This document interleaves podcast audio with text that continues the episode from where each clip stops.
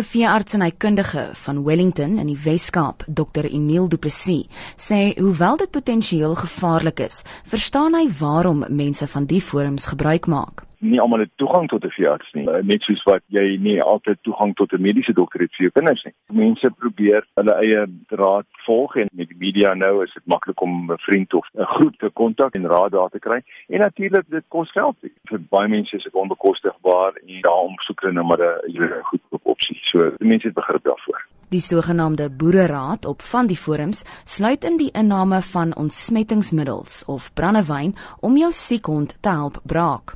Ander beveel aan dat opwasmiddels of diesel vir 'n jeukerige vel aangewend word en die lys word langer.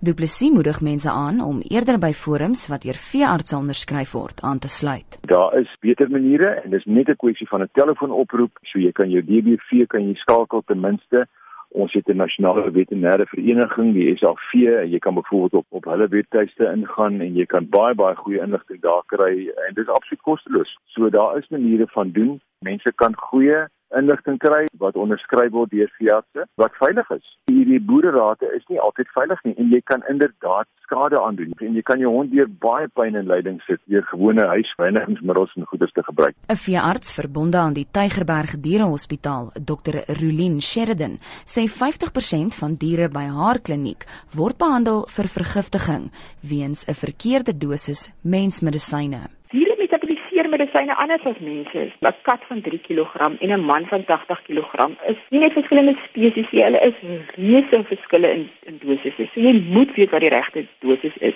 As ek jou 'n paar voorbeelde kan gee van vergiftigings, is anti-inflammatoriese goed soos Disprin en Ibuprofen. As jy dit oordoseer, dan kry jy maagseer en jy kry nierversaking. Parasetamol, Panadol, dit is dodelik vir katte. So moenie eers 'n klein bietjie vir jou kat gee nie. Moenie dit eers oorweeg nie. Antidepressante, die die dier kry die mense antidepressante in die hande en dan kry ons spierrukkings, epileptiese aanvalle, daai tipe van goed en voorbehoedmiddels. Mense gee vir honde voorbehoedmiddels en dink dit gaan help om te keer dat die hond op hitte kom. Dit gaan nie keer dat jou hond op hitte kom nie. In feite dit gaan baie probleme veroorsaak en dit gaan beenmergonderdrukking veroorsaak. Sheridan sê dat 'n goeie verhouding met jou plaaslike veearts belangrik is. Mense sê graag vir jou sê dink net aan geld, maar dit is nie waar nie. Ons gaan probeer om vir jou plan te maak om binne jou begroting te bly of om jou verwys na 'n welsynsorganisasie of ons gaan jou teen welsynstariewe help.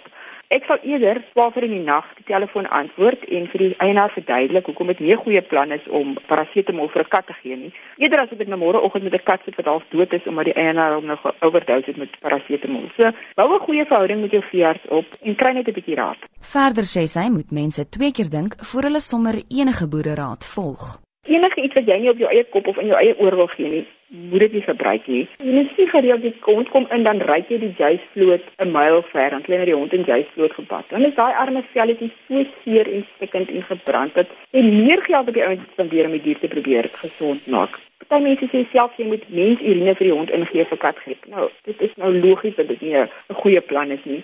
Moenie boere raad te glo nie. Moenie luister na wat elke jong rap in sy maat sê. Dit was 'n veearts en hy kundige verbonde aan die Tygerberg Dierehospitaal, Dr. Rulien Sheridan. Ek is John Marie Verhoef vir SAK nuus.